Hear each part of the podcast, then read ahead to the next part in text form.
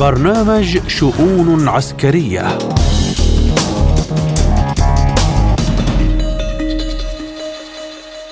من إذاعة سبوتنيك بموسكو نرحب بكم مستمعينا الكرام. أينما كنتم في حلقة الحصاد لعام 2023 من شؤون عسكرية سنقدمها لكم اليوم. أنا محمد جمعة. وأنا نادية هلال. ونناقش فيها أهم موضوعين لطالما اشتغلت بهما كل المنابر الإعلامية والعسكرية في العالم. استمرار الحرب في غزة وتداعياتها على المنطقة والعالم. تطورات العملية العسكرية الروسية في أوكرانيا خلال عام 2023 ونبدأ حلقتنا بملف الحرب على غزة حيث تتواصل الحرب الإسرائيلية على القطاع وقد ارتفعت حصيلة الضحايا الفلسطينيين إلى أكثر من 21 ألف قتيل ونحو 55 ألف مصاب إضافة إلى آلاف المفقودين غالبيتهم من الأطفال والنساء. لمناقشة الوضع في فلسطين وتفاصيل الحرب على غزة خلال عام 2023 ينضم إلينا من فلسطين الخبير بالشأن الفلسطيني والإسرائيلي الدكتور حسن مرهج أهلا بك دكتور ضيفا عزيزا في شؤون عسكرية. خلال عام 2023 اندلعت عدة أعمال عنف في الصراع الإسرائيلي الفلسطيني وتزايدت هجمات المستوطنين وأدت إلى نزوح مئات الفلسطينيين ووقعت اشتباكات عنيفة حول المسجد الأقصى وحركة حماس تجنبت الخوض في أي اشتباكات كبيرة مع إسرائيل منذ عام 2022 دكتور ما السبب في ذلك؟ هل كانت حماس تستعد لهجومها الكبير الذي أسمته عملية طوفان الأقصى؟ تحياتي لك ولجميع المستمعين يعني بداية نستطيع القول هذا الصراع الذي قائم منذ 75 عام من 48 إلى اليوم الصراع الفلسطيني الإسرائيلي هذا يعني تراكمات إلى صراعات ومواجهات في شتى الوسائل والطرق والمواجهات التي كانت بين الفلسطينيين والإسرائيليين بشكل عام. أما ما ما قامت به حركة حماس في 7 تشرين من عام 2023 وحسب كل يعني التصريحات وحسب كل الدلائل التي تشير بأنه نعم حماس قامت في تحضير نفسها إلى مثل هذه المواجهة إلى مثل هذه العملية التي قامت بها. كان لديها استخبارات واضحة خروقات لجانب المنظومات الأمنية الإسرائيلية بشكل واضح. طبعا هذا كل شيء تبين بعدها. الذي أرسلته إلى الجانب الإسرائيلي بانه حماس لن تشارك في أي عملية عسكرية ضد إسرائيل وهناك كانت مواجهتان مع مع مع مع فلسطين كان في سيف القدس معركة سيف القدس القدس الجهاد الإسلامي الذي شارك في آه، العملية وحده يعني أو كان يعتقد بأنه هو وحده في هذه العملية. آه، وقبل ذلك أيضا كانت مواجهات مع الجهاد الإسلامي وأيضا اعتقد الجانب الإسرائيلي بأنه حماس لا لم تشارك في هذه المواجهات. ومما جعل الإسرائيلي يطمئن أكثر بكثير ولكن اتضح انه حماس كانت تعد العدة إلى مثل هذا الهجوم وبعد أن ربما اكتملت لديها كامل أركان تنفيذ وإمكانية تنفيذ هذه الخطة قامت بها في السابع بأكتوبر في هذه العملية التي جعلت لها أثر كبير جدا ويعني إنجاز تاريخي قد يسجل في التاريخ تاريخ الصراع الفلسطيني الإسرائيلي وما نجم عنه إلى غاية اليوم. المواجهات طبعا نحن نعرف إنها مستمرة والآن 84 يوم وهذا قائم منذ 7 أكتوبر إلى الآن ولربما سوف يمتد إلى خلال الشهر القادم أيضا أو الذهاب إلى وقف إطلاق نار والذهاب إلى التسليم. وما هي الأطراف الدولية التي دعمت حماس والشعب الفلسطيني؟ إيران مثلا؟ يعني بداية نستطيع القول بأنه إيران هو دعم أو ضمن الدعم اللوجستي والفكري للمقاومة أو محاور المقاومة بشكل عام. ولكن هي ليست شريك في هذه الحرب هي ليست شريك وهي ليست يعني من لا لا لا, لا شريك في التخطيط أو الاستراتيجية. وحتى يعني بدء هذه العملية كانت محصورة في المقاومة الفلسطينية في قطاع غزة ولم يكن لدى الإيراني يعني علم بما يخطط له ولكن هو دائما داعم إلى القضية الفلسطينية وإلى هذه الحرب. ولكن ليس شريك وليس صانع القرار. الدعم المباشر التي يأتي إلى المقاومه الفلسطينيه في قطاع غزة هو على الأغلب اليوم هذا شيء واضح هو المحور اليمني في اليمن وما قام به من عندما قرر الدخول في هذه المعركة أعتقد في 15 أكتوبر وإطلاق المسيرات وصواريخ البالستيه في اتجاه مدينة إيلاد ايلات البحرية التي لديها أيضا ميناء بحري لإسرائيل. وأيضا الاكثر من ذلك الآن الحصار البحري على السفن إما إسرائيلية وإما يعني هي أكثر تحمل بضائع إلى الجانب الإسرائيلي. وغير ذلك يعني الممرات آمنة لبعض السفن التي فقط تريد العبور إلى الدول الأوروبية أو للبحر المتوسط. ولكن ما يخص إسرائيل وهذا الحصار يعني هو موجه من قبل القوات اليمنية إلى السفن التي تأتي إلى إسرائيل. وهذا أيضا يعني له أبعاد كبيرة جدا. نرى أن الحشد الشعبي العراقي أيضا دخل هذه المعركة وهو يقصف القواعد الأمريكية وهناك إعلان تم تصريح عنه من قبل الحشد الشعبي بأنه قام بإرسال مسيرة إلى حقل الغاز كريف في البحر المتوسط التابع لإسرائيل وهذا يعني التطور خطير وكبير جدا بالنسبة لاسرائيل.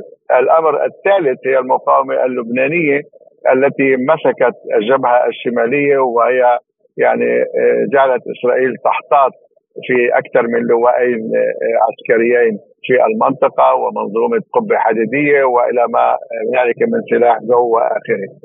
وأيضا يعني أخلت كل مواطنين الشمال الإسرائيلي إلى المركز لكل المستوطنات الحدودية مع مع لبنان. هذا الداعم للحرب على غزة وعلى المقاومه الفلسطينيه بشكل مباشر وهو مشارك يعني وهو شريك في هذه المعركة بشكل مباشر، أما بالنسبة لإيران يعني إيران هي ليست شريك وليست صانع قرار في هذه الحرب ولكن طبعا هي داعم لكل محاور المقاومة ماديا ولربما خبرة ولوجستيا إلى إلى اليوم. وفيما يخص الجانب الاقتصادي والاجتماعي والإنساني في غزة هناك مخاوف دكتور أنه حتى في حال قبول وقف إطلاق النار والسماح بدخول مساعدات إنسانية إلى غزة ستبقى نسبة كبيرة من السكان عالقة لعدة سنوات في دوامة الفقر والحرمان السؤال ما هي توقعاتك؟ وما الحلول التي من الضروري اتخاذها فورا لمنع تفادي الكارثة الإنسانية؟ نعم هناك كارثة إنسانية كبيرة جدا في قطاع غزة. هذا شيء واضح لكل من يشاهد وسائل الإعلام وما يعني يبث عبر الشاشات المتواجدة على أرض الواقع. هناك دمار كبير جدا للأبنية في شمال غزة. هناك دمار كبير لأبنية لم يصلح استعمالها ويجب هدمها. هناك أيضا يعني تصدعات كبيرة في مباني لربما لم تصلح للسكن مستقبلي يعني كل البنية التحتية في قطاع غزة نستطيع أن نقول بأنها خرجت عن الخدمة. هذا في القطاع يعني السكن والبنية التحتية. أما بالنسبة للقطاع الصحي الذي انهار أيضا في هذه المعركة والمستشفيات التي تم استهدافها والمستشفيات التي تعمل اليوم مع هذا الكم الكبير من عدد الجرحى وعدم توفر كل الأدوية والاجهزه التي يحتاجها في المجال الطبي. أيضا كل هذا نشهده بأن هناك انهيار في هذه المنظومة، هناك انهيار في قطاع الصحي أيضا منه المي. يعني هناك أهمية كبيرة لتواجد المياه التي قطعت منذ الأيام الأولى عن قطاع غزة ولا يوجد بديل إلا ما تم إدخاله من المساعدات الإنسانية عبر معبر رفح. الوضع الغذائي مأساوي جدا.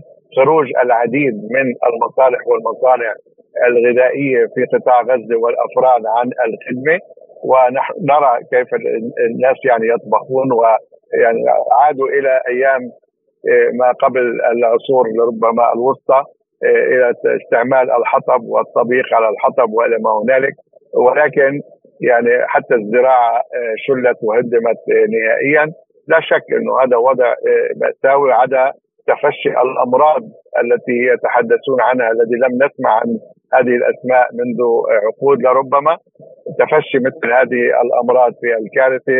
نرى الأطفال في غزة دون يعني ملابس واقية حتى من فصل الشتاء. آه، البارد ويعيشون في خيم ومنهم من يعيش تحت الأنقاض المتواجده في قطاع غزة، هناك مأساة إنسانية كبيرة جدا حتى يصعب اللسان عن وصفها ويحتاج القطاع بعد وقت إطلاق النار أكيد لمساعدات بشكل ضروري جدا إدخال المساعدات الصحية والإنسانية وعلى الساحة الدولية اجتاحت المظاهرات مختلف مدن العالم منددة بالمجازر التي ترتكبها إسرائيل.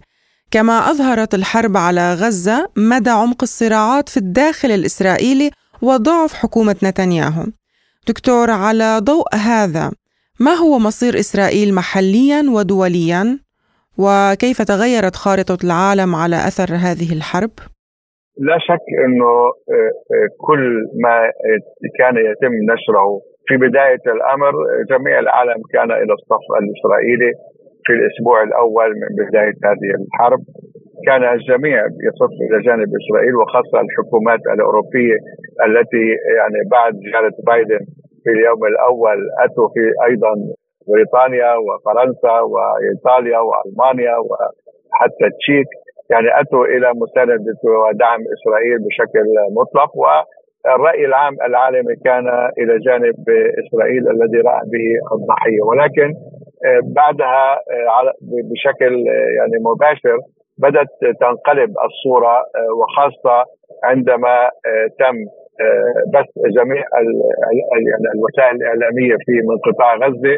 كل المجازر المدنية والإنسانية التي آه، تحصل آه، على قطاع غزة، التصريحات أيضا للساسة الإسرائيليين في سماح لاستهداف أي أهداف مدنية من الطفل حتى الشيخ الكبير.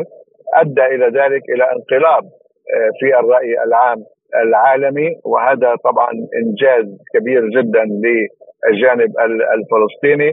وحتى على مستوى الولايات المتحدة الذي يمكن أن يعني يعتقد لدى كل إنسان إنه آخر من يكون يعني هناك حراك شعبي ضد الموقف الإسرائيلي أو ضد إسرائيل.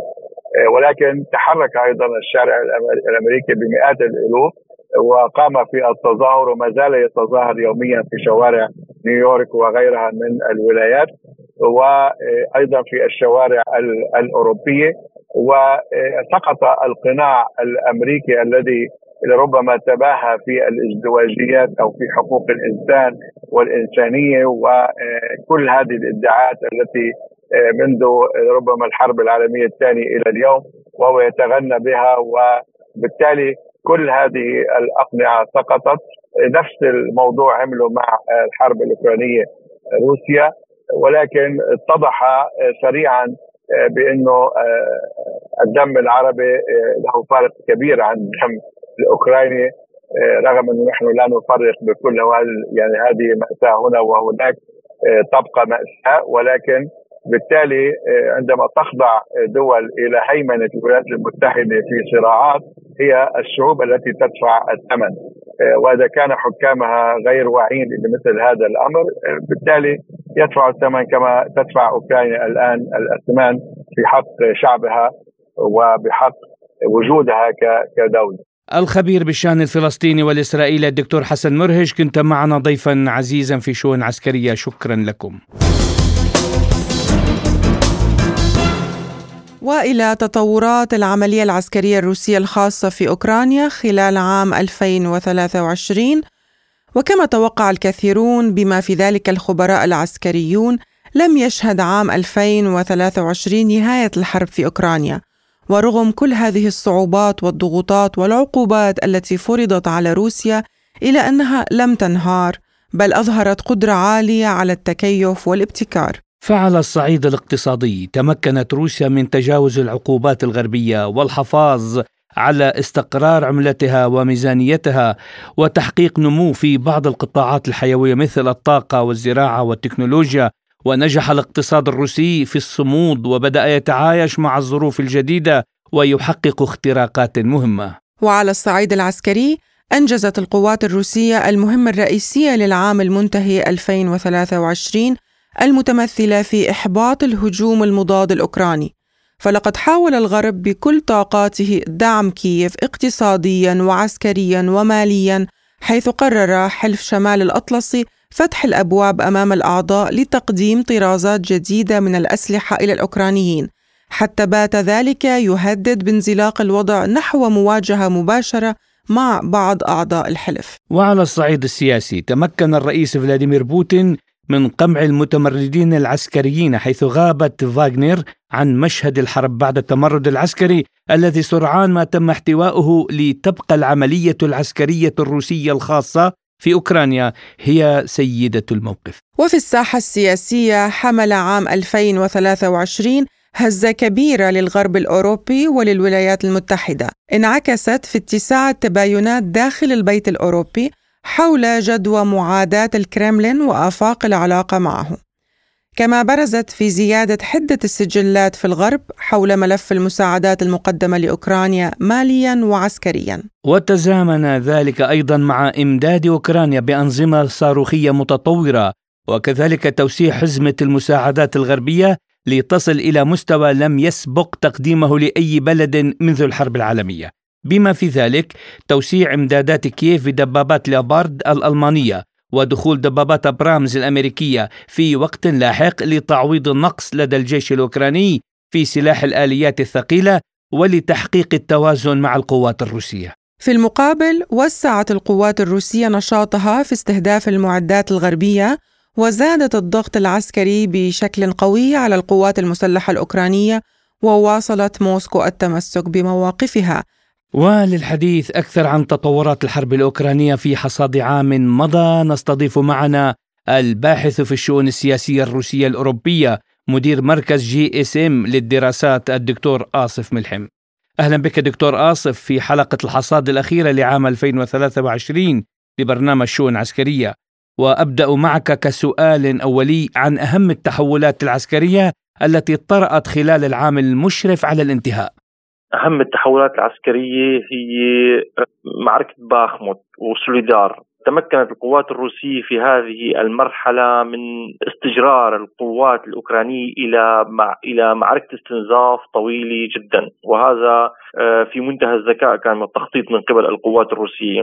باستخدام قوات فاغنر كما كما نتذكر جميعا تحولت هذه البؤرة التي نسميها حلقة الدنباس تتضمن مجموعة كبيرة من المدن. سوليدار باخموت تشاسوف يار قسطنطينفكا آه، دروجكوفكا آه، سيفيرسك كراماتورسكي وهكذا. تحولت إلى نقطه امتصاص لقوات النخبة الأوكرانية، بالمقابل الجانب الأوكراني أعند واستمسك في هذه المنطقة بهذا التحقيق. خرق عسكري ما يرضي الممولين الغربيين لهذه الحرب وبالتالي استجرار أكبر قدر ممكن من المساعدات العسكرية، لذلك كانت هذه الخطة الخطة الروسية فعلا في منتهى الذكاء لأن الجانب الأوكراني بدأ يعني يهجم باتجاه باتجاه الدفاعات الروسية القوية جدا وكأنه يناطح الصخر مما أدى لتكبيد أوكرانيا ومدرعاتها خسارة كبيرة جدا، لذلك أهم التحولات العسكرية في الواقع هي معركة باخمت وتحويلها إلى معركة استنزاف آه، وفق نظرنا طبعا. وكيف تقيمون ميزان القوى على جبهات الحرب في أوكرانيا خلال العام الماضي؟ موازين القوى هنا في هذه المعركة لا يمكن بأي شكل من الأشكال يعني دائما آه، يطرح السؤال التالي يعني لماذا لا تقدم الولايات المتحدة الأمريكية أسلحة لأوكرانيا بحيث تنتصر على روسيا كيف يمكن تقديم أسلحة تحقق يعني انحراف لتوازن القوى باتجاه أوكرانيا، هل يمكن أن نتخيل أن الولايات المتحدة الأمريكية قادرة على استخدام ألف دبابة؟ ألف دبابة بالتأكيد يعني لو جاءت إلى خط الجبهه آه، بالتأكيد ستحقق خرق عسكري كبير لصالح أوكرانيا أو ألف طائرة، ولكن لوجستيا هذا غير ممكن، روسيا تقارن كل آه، عفوا تراقب كل الأجواء الأوكرانية وتعرف كيف تأتي هذه المدرعات وما شابه ذلك، وتستطيع القضاء عليها قبل وصولها إلى الجبهة أصلا، لذلك ميزان القوة هو وهنا نقطة القوة بالنسبة لروسيا. التحكم الجوي يعني تتحكم في كل بكل أجواء أوكرانيا بالإضافة إلى أن المعركة هي معركة برية والتاريخ يؤكد لنا الحروب التي خيضت في العراق وأفغانستان وفي كل مناطق العالم.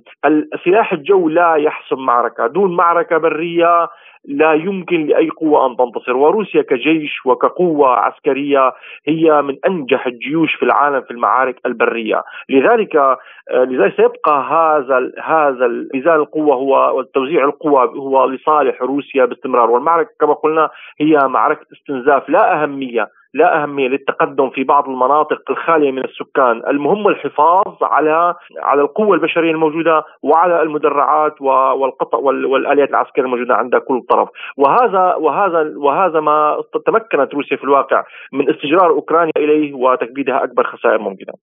دكتور آصف هل سيستمر الغرب بدعمه لكييف لنشهد حربا باردة ثانية قد تصبح حربا عالمية ثالثة أم ستجلس الأطراف على طاولة المفاوضات؟ قد يبدو أن الغرب يعني يحاول. لاحظ معي المشكلة التي حدثت أن الولايات المتحدة الأمريكية أصبحت ألاعيبها مكشوفة لكل العالم وأساليبها في إدارة الصراعات أصبحت مكشوفة لكل دول العالم. يعني أعتقد أنهم سيحافظون على هذا الصراع على هذه الوتيرة في هذه المنطقة. يعني لا هو لا المعادلة أنه لا يمكن لروسيا أن تنتصر ولا يمكن لأوكرانيا ولا يمكن لأوكرانيا أن تنتصر.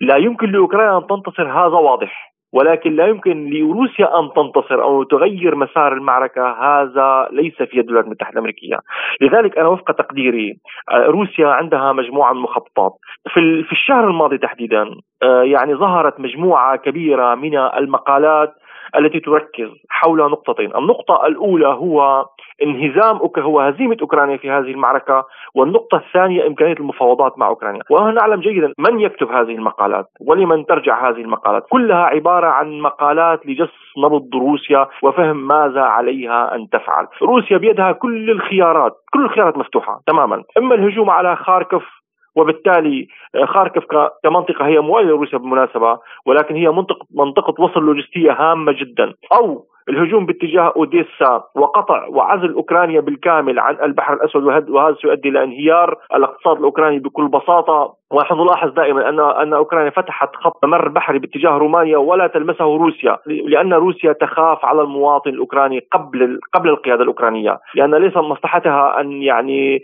أن تؤذي المواطن الأوكراني بشكل مباشر. أو أو تهجم على كييف وتنهي نظام الحكم هناك. هذه كل الخيارات مفتوحة. لذلك نلاحظ أن روسيا ما زالت صابرة. تتعرض للكمة تلو اللكمة. يعني إغراق على سبيل المثال نوفوتشيركاسك. هذه ضربة بالمناسبة قوية لروسيا ولكن ومع ذلك تتحملها روسيا. على أمل على أمل أن ينصت الجانب الغربي إلى صوت الحكمة وصوت العقل لأن هذه المعركة لا آفاق لها على الإطلاق. هم يستخدمون أوكرانيا لاستنزاف روسيا وما الذي حدث؟ يعني الذي حدث بالعكس تماما. ونحن نعلم جميعا أن في أوروبا هناك انقسامات آه، على جميع المستويات يعني على على المستويات السياسية، على المستويات الاجتماعية، وهذه الانقسامات على ما يبدو أن روسيا حتى هذه اللحظة تعول عليها لكي يغير الجانب الغربي أسلوبه لأن انتصار روسيا في هذه المعركة يعني انفصام حلف الناتو. وهذه هي النتيجة التي تتحقق بالتأكيد لأن أوروبا نفسها تعاني من السيطرة الأمريكية عليها. يعني عندما نرى الجانب الألماني على سبيل المثال يتحمل الأعباء آه، الاقتصادية الكبيرة بسبب تدمير خط الغاز آه، السيل الشمالي. يعني آه، نعلم جيدا أن هناك نوع من إن صح التسمية نوع من الجبن في أوروبا وأن أوروبا حتى هذه اللحظة ليست صاحبة قرار وليست صاحبة سيادة في قرارها السياسي. لذلك هذا التحول ما زالت تعول روسيا عليه لأن يعني اللجوء إلى المفاوضات أو الحل السلمي بالتأكيد هو يقلل الخسائر للجميع. والحرب ما يعني المبادرة أو آه، خيوط الحرب ما زالت بيد روسيا وقادرة على تصعيدها باتجاه طور جديد لإجبار الغرب للرضوخ إليه، ولكن هذا الطور أيضا فيه مخاطر، لذلك ما زالت روسيا صح التسميه تلعب على هذين على هذين المحورين آه، الضغط باتجاه المفاوضات أو إمكانية استخدام الحرب في المستقبل، المساعدات الأمريكية ستستمر لأن الولايات المتحدة الأمريكية لا تخسر شيء. هي تبيع أسلحة يعني وتحل مشاكلها الجيوسياسية في كل مكان العالم ولكن هذه اللعبة اللعب في النار يعني لن يستمر طويلا يعني في في المستقبل قد تتغير هذه قد يتغير هذا المنحى في السنة القادمة. سؤالنا الأخير دكتور آصف من شقين كيف تقيمون تداعيات الحرب الأوكرانية لعام 2023 وما هي برأيكم المعايير التي ستحدد الانتصار أو الهزيمة؟ كما قلنا في آه، أوكرانيا الآن في داخل أوكرانيا يوجد يوجد انقسامات آه، عميقة في النخبة السياسية الأوكرانية. وبدأت تظهر يعني في الكثير من يعني من من من الحالات وفي الكثير من التصريحات بدأت تظهر هذه ال... لذلك أغلب الظن نحن نعتقد أن في أوكرانيا قد يحدث حقيقة قد تؤدي الانتخابات المقبلة وال... إلى إضعاف الجيش الأوكراني بشكل كبير آه، وتحد وتؤدي الانقسامات السياسية يضعف الجيش الأوكراني و... وهذا قد قد يؤدي إلى هزيمه الجيش الأوكراني. وهذا بالتالي ما الذي سيحدث هنا؟ يعني أوكرانيا آه، إما إما تبدأ الدول المجاورة بتقاسمها لأن يعني غرب أوكرانيا قسم منه لبولونيا كان في يوم من التاريخ في يوم من الأيام ضمن السيادة البولونية بعض المناطق المحاذية لبيلاروسيا أيضا قد يكون قد تطمع به بيلاروسيا وتأخذه أيضا. وباقي الأجزاء حتى كييف قد تأخذها روسيا. يعني ورومانيا أيضا لها بعض بعض الأجزاء من أوكرانيا. وبالتالي مسار أوكرانيا اصبح أصبح واضحا. في المستقبل ما الذي سيحدث بالضبط من من الصعب التنبؤ الآن؟ ولكن أنا وفق تقديري أن الولايات المتحدة الأمريكية كما نلاحظ جميعا. يعني هناك نقطتين.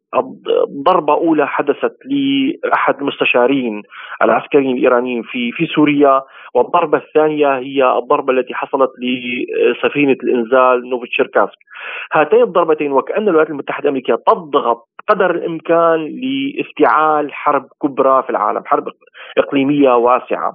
ولكن كيف ستدور هذه الحرب؟ الأدوات السابقة للولايات المتحدة الأمريكية أصبحت معروفة للجميع. أنا وفق تقديري هذه الحرب الكبرى لا يمكنها أن تحصل يعني لا يمكن أن تحصل بأي شكل من الأشكال. ليس لها أي مسوغات وليس لها أي مبررات. الولايات المتحدة الأمريكية تبحث عن هكذا صراع لكي تتخلص من ديونها. الولايات المتحدة الأمريكية الآن عندها حوالي 35 تريليون دولار ديون خارجية. معظمها متراكمة على اليابان وعلى الصين. الناتج المحلي الاجمالي للولايات المتحدة الأمريكية لا يتجاوز 25 تريليون دولار. يعني نحن يجب أن نحجز ميزانية الولايات المتحدة الأمريكية لخمس سنوات للأمام حتى تتمكن الولايات المتحدة الأمريكية من حجز ديونها من من إيفاء بديونها. لذلك هذا الأمر كيف سيحل؟ يعني بادرت الصين في الفترة الماضية بمبادرة كبرى آه، كبيرة فضفاضة إن صح التسمية بهدف يعني توزيع مناطق النفوذ أو بناء عالم متعدد الأقطاب أو يعني إيجاد صيغة للأمن في العالم. ولكن الولايات المتحدة الأمريكية تعيش للأسف الشديد يعني وكأنها كائن طفيلي تعيش على الحروب تعيش على الصراعات. إلى أي درجة ستبقى الأمور على هاكي على هذه الشاكلة؟ هذا يعود طبعا لردة فعل الجانب الآخر يعني ليس ليس الولايات المتحدة الأمريكية هي اللاعب الوحيد في العالم. ولكن هناك لاعبين آخرين. تحاول الآن أيضا تحريض الجبهة الفنلندية. يعني ونحن نشهد ذلك يعني يوميا أنها تحاول هذه تحريك هذه الجبهة للضغط على روسيا أكثر وأكثر. وقد تلجأ أيضا إلى آسيا الوسطى لمحاولة تحريك هذه المنطقة على خلفية اثنيه كل هذا مرشح للانفجار. ولكن كما قلت يعني هذه الأساليب الأمريكية القديمة أصبحت واضحة للجميع. إلى أي درجة تنجح هذا يعود لا يعود إليها فقط بل يعود إلى رد فعل باقي الأطراف. ولكن أعتقد أن الولايات المتحدة الأمريكية في طريقها إلى انهيار وتحريضها للصراع في غزة. يعني هو أكبر دلالة على ذلك ونحن نعلم جميعا يعني أن طوفان الأقصى لم يكن خرقا استخباراتيا بالمفهوم التقليدي للكلمة بل كان توريطا ويعني لحماس ويعني تضليلا استخباراتيا لحماس. الباحث في الشؤون السياسية الروسية الأوروبية مدير مركز GSM للدراسات الدكتور آصف ملحم كنت معنا ضيفا عزيزا في شؤون عسكرية. شكرا لكم. مستمعينا الأفاضل إلى هنا تنتهي حلقة اليوم من حصاد عام 2023 لشؤون عسكرية. كنت معكم أنا محمد جمعة. وأنا نادية هلال. شكرا لكم. وإلى اللقاء.